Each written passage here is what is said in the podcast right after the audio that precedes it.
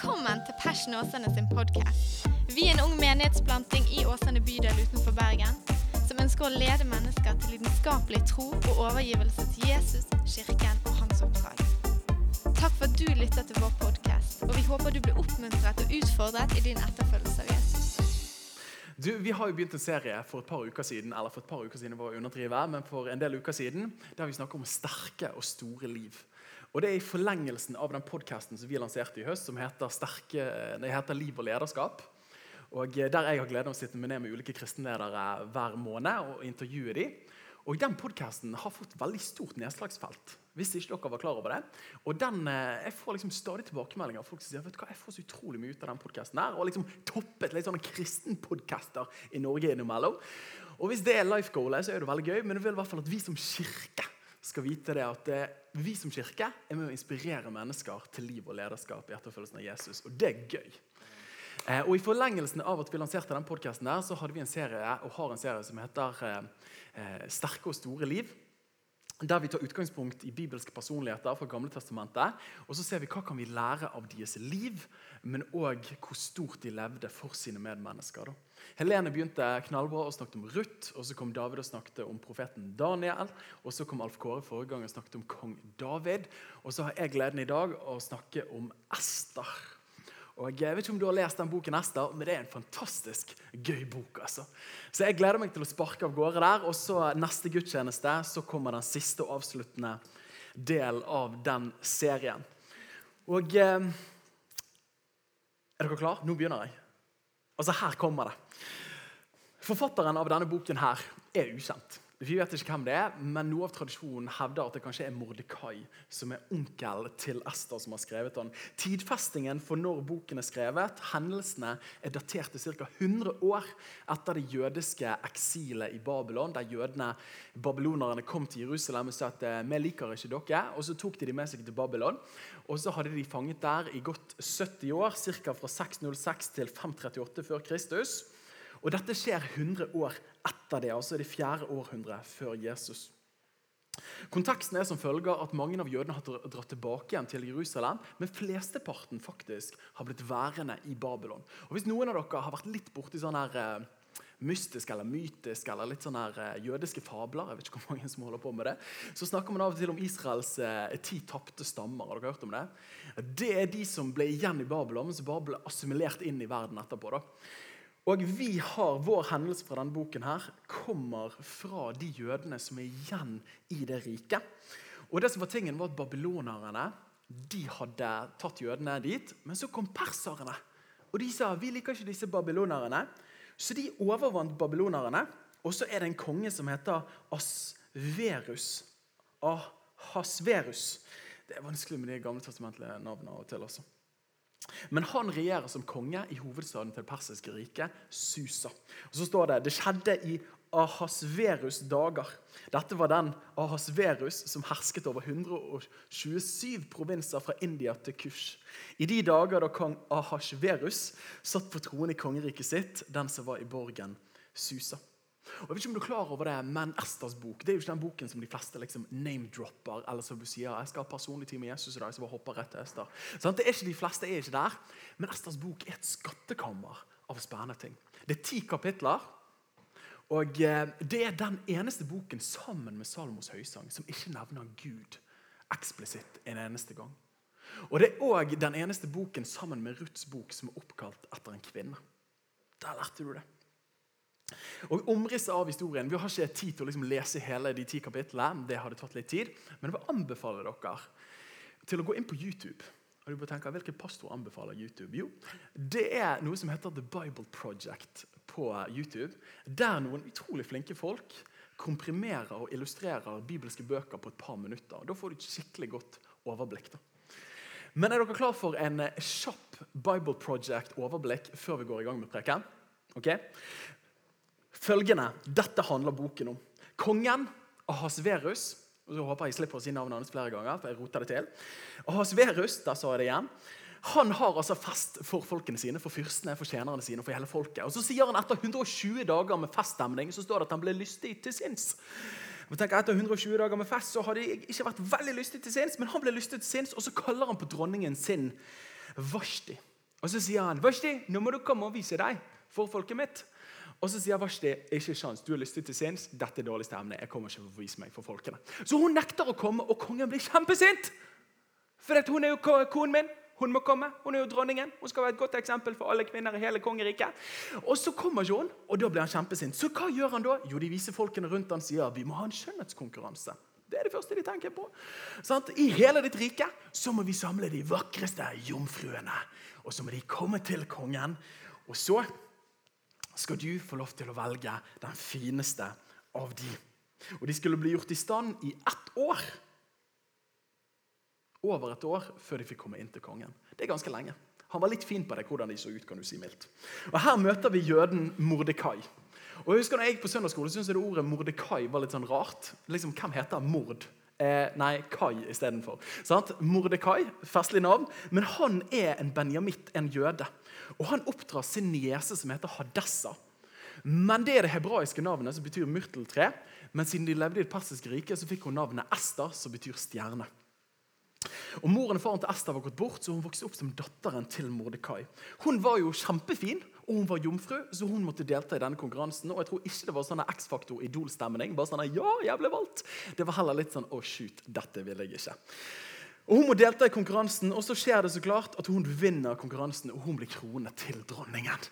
Dette er jo litt sånn Askepott. altså Skjønnheten og ikke udyret. jo på en måte blir jo det.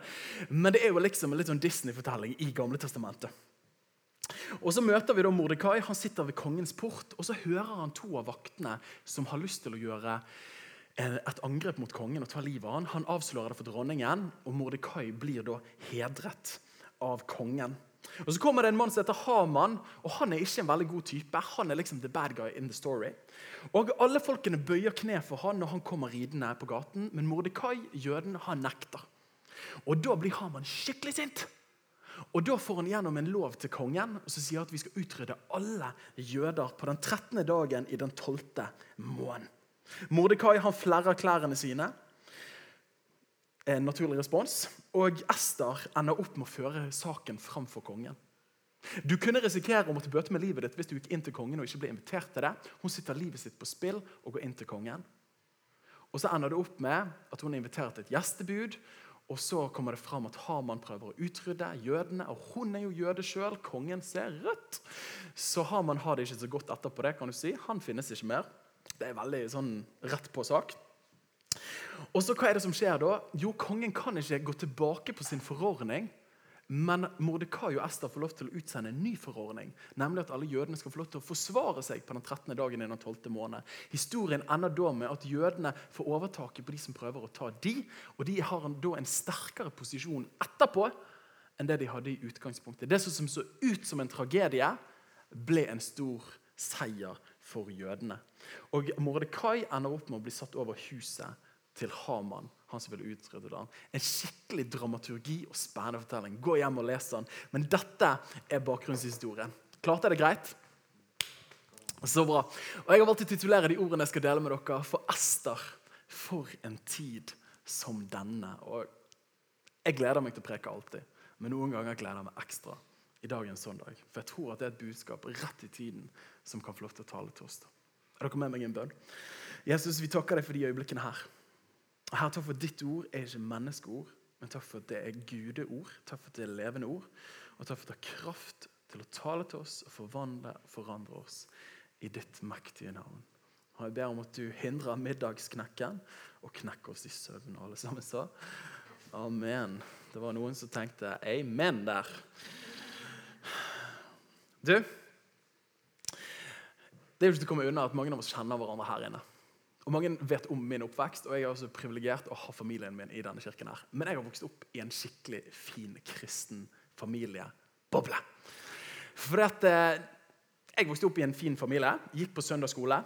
Og så var jeg når var sjette klasse, så begynte jeg på offentlig barneskole og er liksom ute i verden. Husker fortsatt mamma og pappa sto der den dagen og holdt seg. liksom Gråt og tørket tårene sine. sa 'Daniel, må det gå fint? Go to the nations.' Sånn? Og eh, Jeg gikk eh, på offentlig skole. var ikke helt sånn. Eh, men jeg gikk på offentlig skole, og når jeg skulle begynne på ungdomsskole, så sa mamma du, jeg har søkt deg inn på Danielsen. Jeg får så jeg har ikke lyst på Danielsen. Jo, i vår familie går vi på Danielsen. Så jeg begynte på Danielsen. Gikk tre år på kristen skole der. Og etter, videre, etter ungdomsskolen så ble jeg sendt videre på kristen videregående skole. Og Etter kristen videregående skole så gikk jeg ett år på bibelskole. Og etter et år på bibelskole så gikk jeg tre år på teologiutdannelse. Du bare hører hvor boble jeg har levd i. Og Etter det så gikk jeg ett år på Universitetet i Bergen. Det var tøft. Og så tok jeg to år med pedagogisk utdannelse etter det. da. Men så på toppen av det hele så giftet jeg meg inn i en superkristen familie. Og jeg er liksom omsluttet av Christianity. da. Jeg hadde en helg på et sykehjem som ikke var et kristent sykehjem. Ganske røft av mange grunner. det kan jeg si. Og så hadde jeg ett år der jeg jobbet i Rimi, på Rimi. da. Men utover det jobbet som vaskepastor i tre og et halvt år, ungdomsleder ett og et halvt år og juniorpastor i Kristkirken i to år. Og nå er jeg menighetsplanter, og pastor og forkynner. Og jeg var lærer på en kristen skole. Altså, er dere med? Jeg har vokst opp i en boble. Og Det er jo litt sånn smertefullt å innrømme det, men jeg tror det er faktum for veldig mange av oss. Men kanskje den største utfordringen for oss er hvordan troen er med oss ut i det profane, sekulære eller verden der ute som ikke er en del av kristenboblen. I 2019, i begynnelsen av dette året her, så var det en mann som het Hermund Haaland som ga ut en bok som het 'Samfunnsbyggere'. Og den Boken tar opp en statistikk fra noen undersøkelser i USA fra Barna Research Group, som ble lansert i en bok i 2011 som heter You Lost Me, som studerer bakgrunnen for kristne ungdommer som vokste opp i menigheter, men som velger bort troen senere i livet, eller som ikke er en aktiv del av menighetsliv. Og så stiller de spørsmålet hvorfor det. Så viser det seg at 70% av de som vokste opp i menighetsliv i USA, da, men ganske overførbart til norsk kontekst, ikke er aktiv i menighet i voksen alder. Alle mister ikke troen, men de var ikke aktive i menighetsliv. Og Det er en statistikk som ikke bare får pastorer og ledere, men oss alle til å bare sånn at det er ikke greit. Er dere enige? Og De sier at hovedårsaken til det er for det første en mangel på disippelgjøring. At de ikke helt vet hva de tror. Mangel på generasjoner sammen. At man har forbilder i andre generasjoner som følger Jesus. Men òg det tredje, og kanskje noe av det viktigste, er at man ikke ser hvordan troen er relevant for hverdagen og jobben sin utenfor kirkens fire vegger. Det er litt skremmende. For ett år siden så gjorde laget og Nå er vi veldig heldige her i kirken at vi har Silje. Hun brenner jo for laget. Vi har henne i kirken, og De gjorde en undersøkelse blant 1119 studenter. Og Da svarte 93,7 av de at de mente at troen ikke burde være en privatsak. Sånn, ja, veldig bra. Vi er nesten oppe i 100. Konge, liksom. Likevel sier 67% at de ikke snakker om sin tro med ikke-kristne medstudenter. 67% sier at de ikke snakker om sin tro. Det er jo skikkelig trist. da.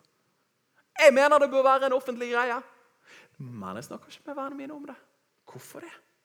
Og Hele 91% er helt eller delvis enig i at kristne studenter lever i skapet med sin tro.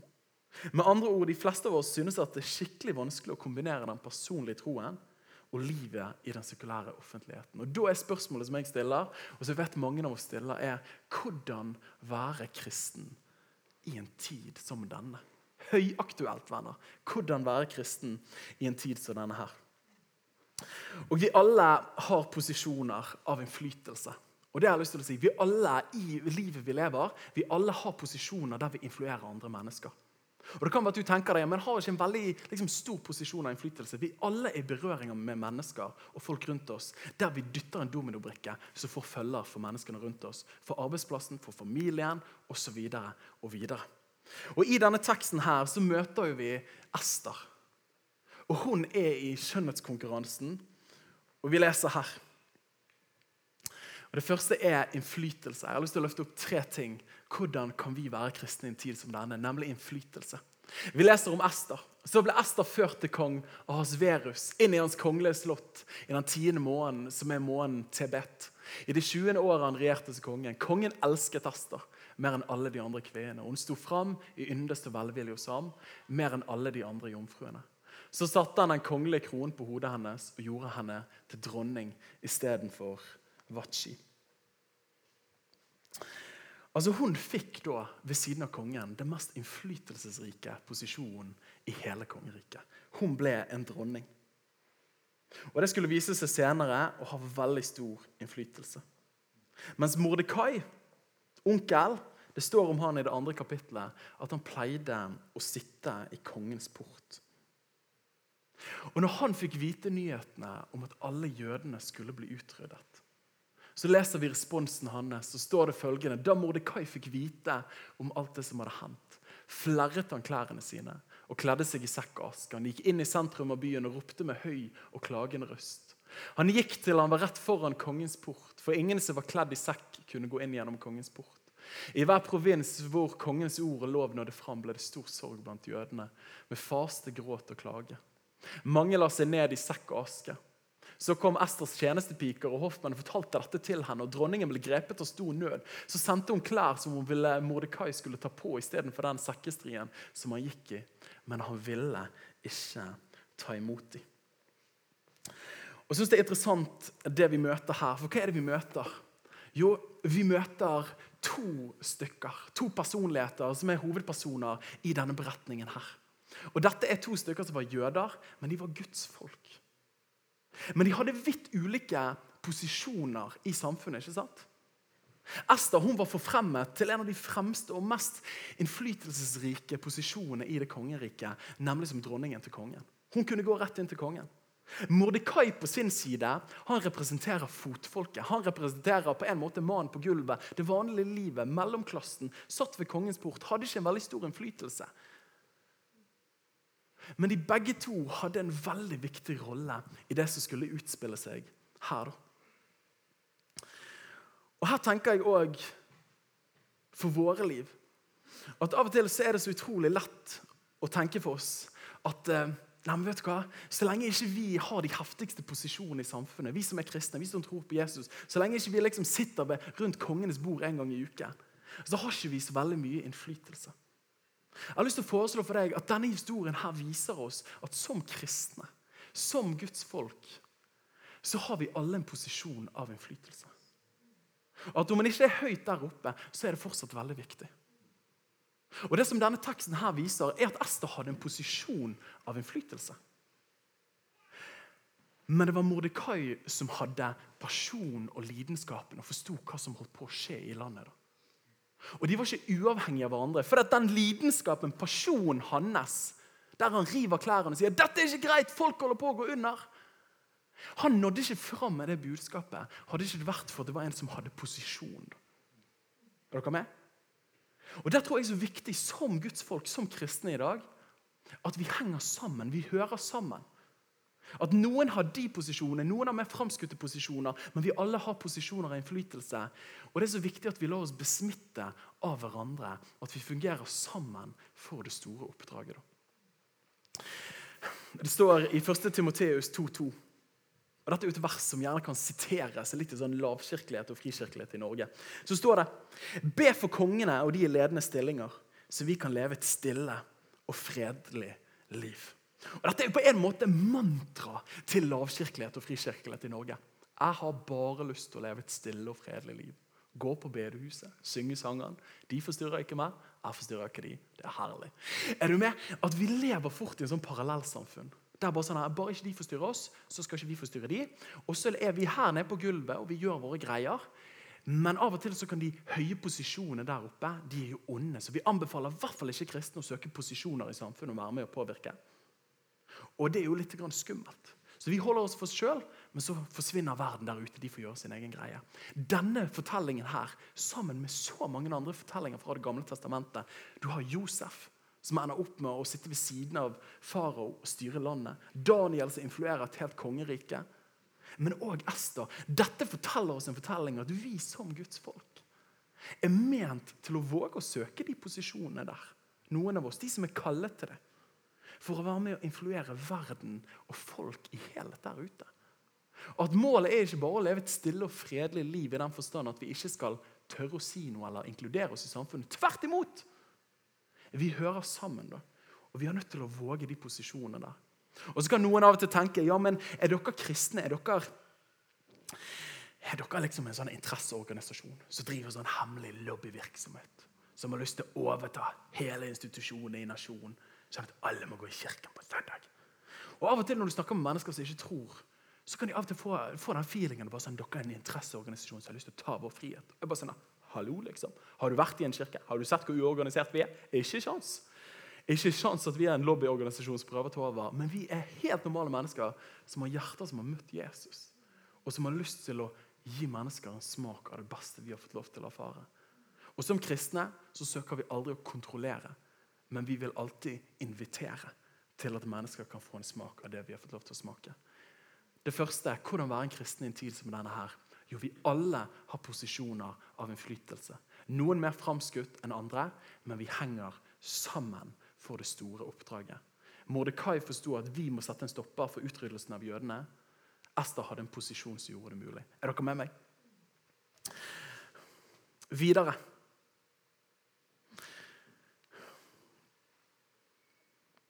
Sånn som vi så på tidligere i innledningen, så er det mange som forlater menighetsliv og kristen tro fordi man ikke klarer å koble troen med det livet man lever utenfor kirkens fire vegger. Men kanskje en av de største utfordringene utenom det er at rundt oss og i den verden vi lever i, så er det veldig sterke krefter og stemmer som har lyst til å presse ned den troen som vi bærer. Ikke til at vi er sinte, eller noe sånt, men vi alle erkjenner det. Det er sterke krefter. Følger du litt med på nyhetsbildet i det siste, så forstår du at det er ting som har lyst til å ta vår ytringsfrihet og trosfriheten og være med å begrense den. Det er sterke krefter. Og Hvis man ikke er det bevisst på hvem man er, hvilke folk man tilhører, sånn som det står om Ester og de, så er det veldig fort at man mister identiteten og fotfestet sitt. Og Det andre jeg har lyst til å si da, er identitet. Og For å være en kristen i en tid som denne her, så er det så viktig at vi kjenner vår identitet. Som Guds folk, som etterfølgere av Jesus. At Når de stemmene der ute er så utrolig kraftfulle, så må vi ha en enda sterkere stemme på innsiden som står fast og sier 'Jeg vet på hvem jeg tror'. Det var en kompis av meg som kom for et par år siden og bare sånn her, altså det er så utrolig vanskelig å stå på de kristne verdiene. Det er så utrolig vanskelig, Jeg bare opplever så mye push. da.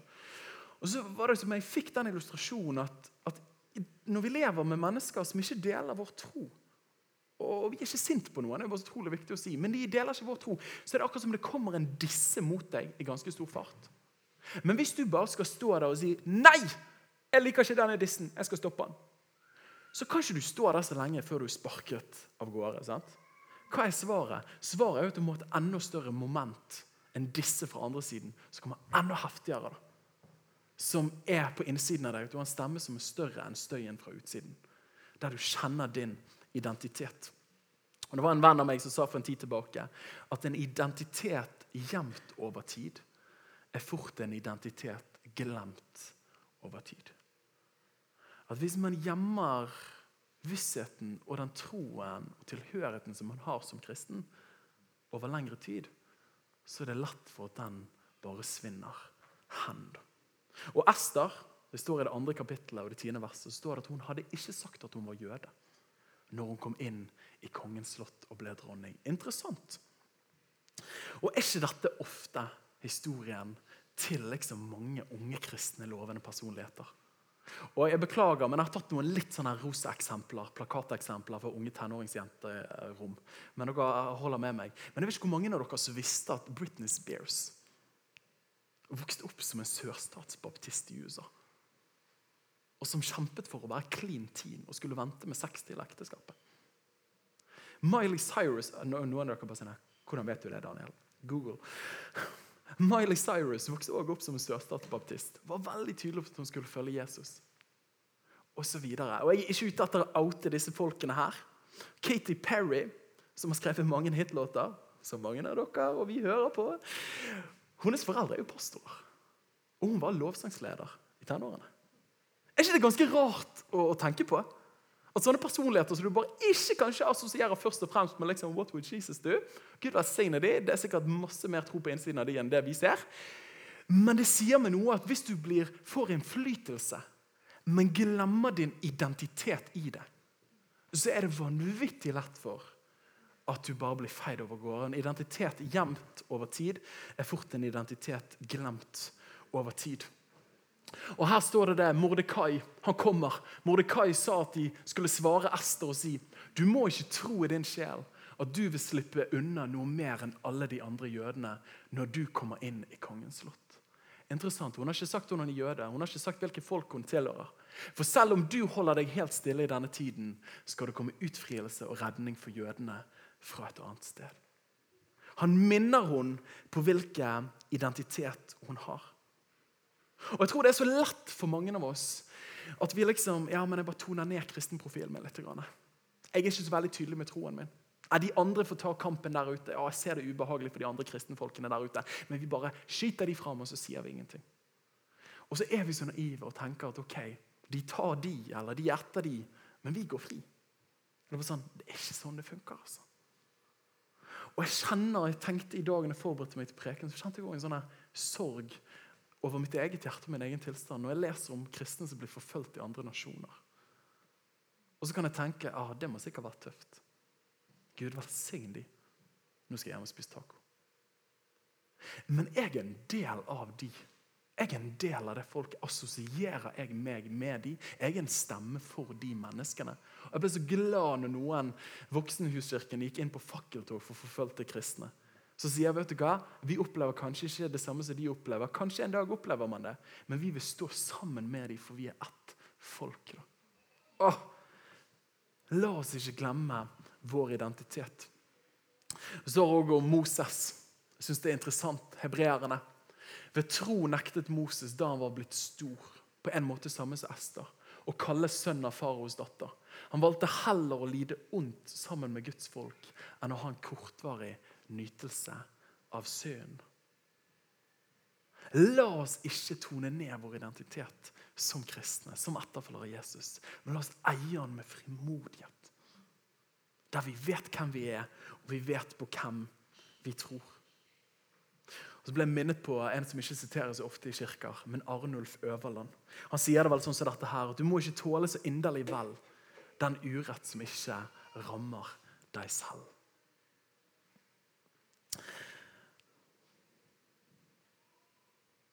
Og Dette syns jeg er utrolig sterkt med disse menneskene her. Det at de ikke glemmer sin identitet. Ester, Moses og Daniel de gikk ikke på kompromiss med den de var.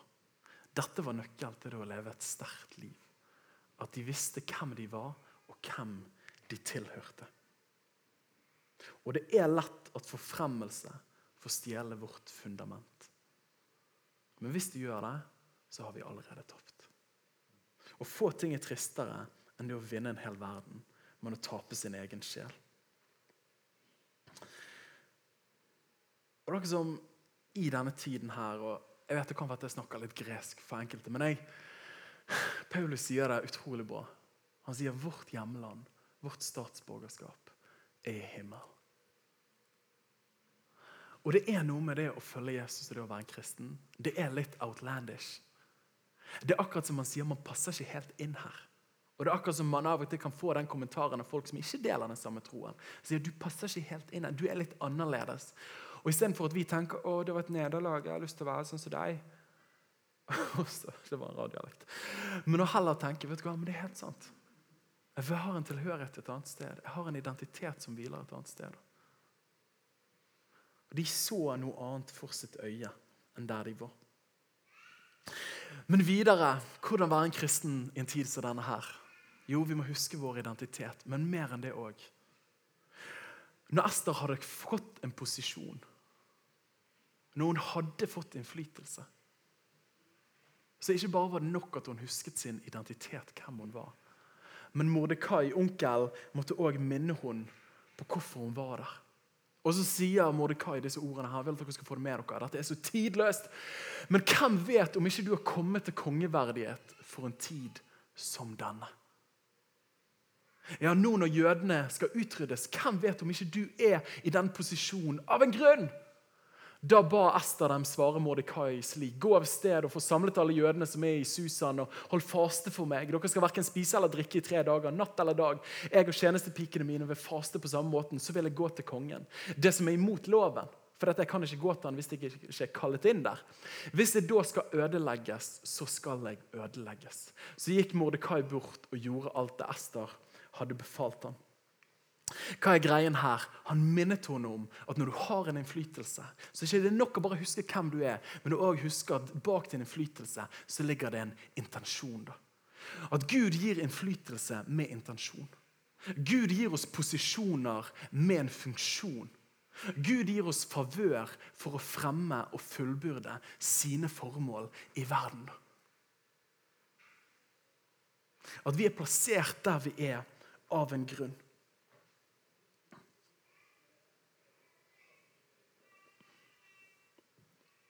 For en tid som denne. Og Dette viste seg at Nøkkelen til Ester sitt sterke liv var å huske sin identitet. Men hennes store liv kom når hun forsto at jeg har innflytelse av en intensjon. Jeg er plassert her for en tid som denne. da. Og det har jeg lyst til å si til alle oss som er her, at vi Av og til kan vi føle at ja, men hvorfor sitter jeg på jobben her? liksom? Hvorfor gjør jeg de greiene her? Jeg tror ikke at vårt liv er overlatt til tilfeldigheter. Jeg tror ikke at vi bare gjør noen ting fordi det var sånn det ble. liksom. Det var mitt lodd i livet. Men jeg tror at når vi gir livet vårt til Jesus og har lyst til å følge han, så plasserer han oss steder med en hensikt og med en intensjon. Og Hun vant den beauty-konkurransen fordi at jeg tror at Gud ville sitte henne i en posisjon til å redde et helt folk. da. Venner, du òg i ditt liv har en posisjon med tanke på at Gud har en funksjon for oss. Er ikke det motiverende? Da kunne du vite at jeg er plassert der for en tid som denne her. Og Selv om det ser mørkt ut, og samfunnet rundt oss kan være sekulært Og vi lever ved noen si en etterkristen tid, jeg foretrekker å si en førkristen tid. Og folk er gjerne ferdig med tro, ja, De ønsker å forme lover som innsnevrer tros- og ytringsfrihet. Og Det kan oppleves tungt, og man opplever at man er stadig større en del av en stadig mindre størrelse. Og iblant kan det være rett ut skremmende. ikke sant? Kanskje man kjenner på det iblant.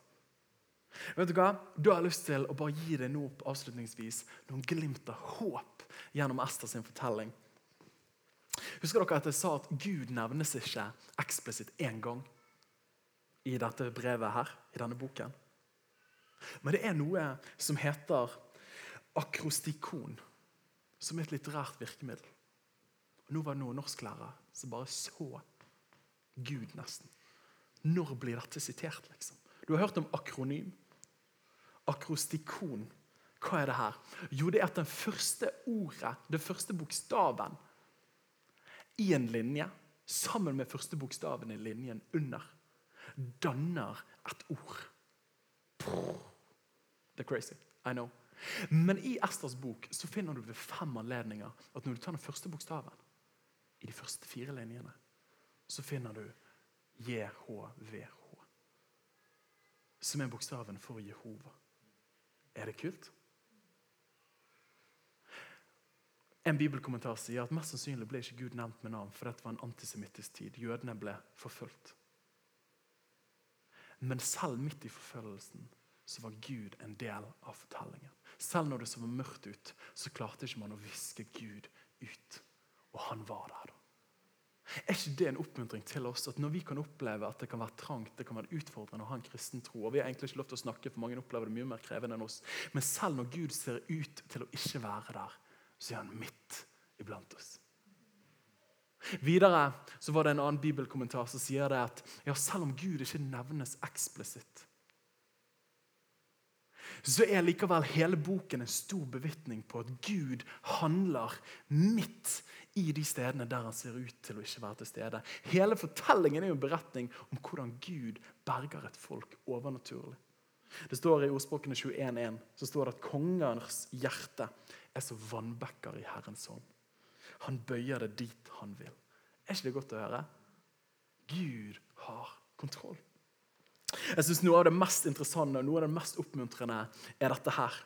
Og det var En bibelkommentar en annen bibelkommentar som påpekte at den boken, Esters bok, er jo ingen søndagbokmateriale, søndagsskolebokmateriale egentlig i det hele tatt. Det er masse sex i den boken der. Dere har hørt det rett, ja. Det er mye drikking i den boken. her, 120 dager, lystig til sinns. Altså, Det er way too much. Og det er mye drap i den boken. der. Og så kan du tenke herlighet, Dette er kraftige saker. liksom. Dette må jo trekke oss unna. Så Det står i Bibelen. Men vet du hva som er enda mer støtende, venner? Det er jo at Ester og Mordekai er med på mye av det! Hva i alle dager? De som er liksom søndagsskoleforbildene til de små barna. Det er ikke greit! Men hva er tingen her? Jo, det utrolig vakre er jo at selv om det er et moralsk forfall, selv om mennesker ikke lever helt det de tror og bekjenner, så er ikke Gud begrenset til å ikke kunne virke midt i det. da. Jeg må lese det til dere. Det var en bibelkommentar. Spiss ørene. Han sier det sånn som dette her. Når Gud virker å være fraværende, når hans folk lever i eksil, og når de ikke lever trofast, men går på kompromiss med Guds lov, betyr det at Gud har forlatt Israel? Betyr det at Gud har forlatt sitt folk, Guds folk? Ja, tenk parallell til Norge i dag. Boken sier et klart nei til dette. Og viser oss heller en større Gud som ikke har forlatt sitt folk midt i sin synd og sitt kompromiss. Og viser oss en Gud som arbeider midt i historiens mørke. Ja, selv med villige og trofaste mennesker som ikke er helt moralsk innafor. Boken ber oss dermed om å stole på Gud og tro at han vil forløse sitt folk, uansett hvor mørkt det enn ser ut. Det er oppmuntrende. Så hvordan være en kristen i en tid som dette her? Det første jeg har lyst til å si, og som vi har sagt, er at vi alle har en posisjon av innflytelse. Men når vi er i de posisjonene av innflytelse, la oss ikke glemme vår identitet i det. Hvem vi er, og hvem sin vi er. Og mer enn det òg, la oss òg vite at den innflytelsen vi har, er gitt av Gud med en intensjon. Ikke at vi skal påpakke folk noe de ikke vil ha, men at vi skal få være med og influere og gi verden en smak av Guds rike. Og Helt avslutningsvis Titter du nærmere inn i denne boken her, så er det som om du skimter, skimter personen Jesus Kristus. Og Dette har jeg lyst til å, å si til alle sammen at den store konteksten for all bibelkontekst er Kristus Jesus. Vi leste det Ester sa. Jeg gir mitt liv. Skal jeg ødelegges, så skal jeg ødelegges. Hun slapp å bøte med sitt liv og reddet et folk. Men hvem var det som sa 'Jeg gir livet mitt for å redde et folk'? Det er Jesus Kristus. Han sa 'Jeg ødelegges', sånn at de kan bli spart. De som òg hadde dødsdommen pga. synd og dårlige valg over seg, som er menneskeheten. Så gir han sitt liv for oss. da. Og Det tenker jeg kan få lov til å være stedet der vi henter håp, der vi henter mot til å være en etterfølger av Jesus i denne tiden. her. At vi har hatt en som gikk foran oss, og som ga sitt liv og fikk ødeleggelse, sånn at vi kunne få lov til å gå fri. Da. Og Midt i en tid der det kan være mørke, moral er lav og Guds navn ikke nevnes, la oss vite at Gud er virksom. Selv om man ikke ser det. Og bak mørket så tenner han en ny morgen for sitt folk og for sin verden. Gud er ikke beseiret. Du og meg, vi lever av en hensikt og av en grunn for en tid som denne. Takk for at du lyttet til Passion Åsane sin podkast. Hvis budskapet inspirerte deg, del det gjerne videre, slik at enda flere kan bli styrket av Guds ord. Gud har en plan for ditt liv. Følg Jesus lidenskapelig og bety en forskjell for mennesker i din verden.